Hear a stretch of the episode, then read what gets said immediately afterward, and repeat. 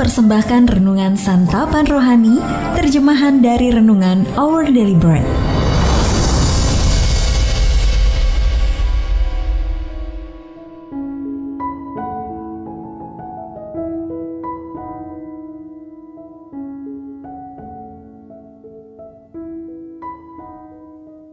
Sahabat ODB pembacaan Alkitab hari ini terambil dari dua Tawarik, pasal yang ke-35, ayat yang ke-20 sampai dengan ayat yang ke-27. Dua Tawarik pasal yang ke-35, ayat yang ke-20 sampai dengan ayat yang ke-27. Yosia dibunuh oleh Neko. Kemudian daripada semua ini, setelah Yosia memperbaiki rumah Tuhan, majulah Neko Raja Mesir, hendak berperang di Karkemis di tepi sungai Efrat. Yosia keluar menghadapinya. Ia mengirim utusan kepada Yosia dengan pesan, Apakah urusanmu dengan aku, Raja Yehuda? Saat ini aku tidak datang melawan engkau, tetapi melawan keluarga raja yang sedang kuperangi. Allah memerintahkan aku supaya segera bertindak. Hentikanlah niatmu menentang Allah yang menyertai aku, supaya engkau jangan dimusnahkannya. Tetapi Yosia tidak berpaling daripadanya, melainkan menyamar untuk berperang melawan dia. Ia tidak mengindahkan kata-kata Neko yang merupakan pesan Allah, lalu berperang di lembah Megido.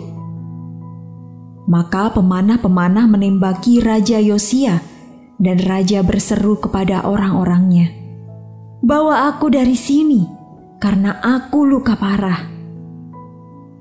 Orang-orangnya mengangkatnya dari keretanya, lalu mengangkutnya dengan kereta cadangannya, lalu membawanya ke Yerusalem. Kemudian matilah ia, lalu dikuburkan di pekuburan nenek moyangnya. Seluruh Yehuda dan Yerusalem berkabung karena Yosia. Yeremia membuat suatu syair ratapan mengenai Yosia. Dan sampai sekarang ini, semua penyanyi laki-laki dan penyanyi perempuan menyanyikan syair-syair ratapan mengenai Yosia. Dan mereka jadikan itu suatu kebiasaan di Israel. Semuanya itu tertulis dalam syair-syair ratapan. Selebihnya dari riwayat Yosia dan perbuatan-perbuatannya yang saleh, yang sesuai dengan yang ada tertulis dalam Taurat Tuhan, yakni riwayatnya dari awal sampai akhir. Sesungguhnya semuanya itu tertulis dalam kitab Raja-Raja Israel dan Yehuda. Ayat Mas Renungan hari ini terambil dari dua Tawarik pasal yang ke-35 ayat yang ke-22. Yosia tidak mengindahkan kata-kata Neko yang merupakan pesan Allah. Renungan hari ini berjudul Mendengarkan Pesan Allah ditulis oleh James Banks. Semasa kuliah saya sempat pulang pergi ke kampus dengan mengendarai mobil. Perjalanan pulang ke rumah saya yang terletak di wilayah gurun terkadang terasa sangat membosankan. Jalannya yang lurus dan panjang sering mendorong saya untuk mengebut melebihi batas kecepatan yang diizinkan. Pertama kali melakukannya, saya diberhentikan dan diberi peringatan oleh polisi lalu lintas. Yang kedua kali saya ditilang. Namun ketika terjadi untuk ketiga kalinya, saya kembali ditilang persis di tempat yang sama. Sahabat ODB, penolakan kita untuk mendengarkan bisa membawa konsekuensi yang serius. Salah satu contoh yang tragis datang dari kehidupan Yosia, seorang raja yang sesungguhnya baik dan saleh. Ketika Neko Raja Mesir melewati wilayah Yehuda untuk menolong bangsa Asyur dalam peperangan melawan Babel, Yosia pergi menghadapinya. Neko pun mengirimkan utusan kepada Yosia dengan pesan, Allah memerintahkan aku supaya segera bertindak. Hentikanlah niatmu menentang Allah yang menyertai aku. Dua Tawarik pasal yang ke-35 ayat yang ke-21. Allah memang mengirimkan Neko. Tetapi Yosia tidak mengindahkan kata-kata Neko yang merupakan pesan Allah lalu berperang di lembah Megido. Akhirnya Yosia terluka parah lalu mati dan seluruh Yehuda dan Yerusalem berkabung karena Yosia.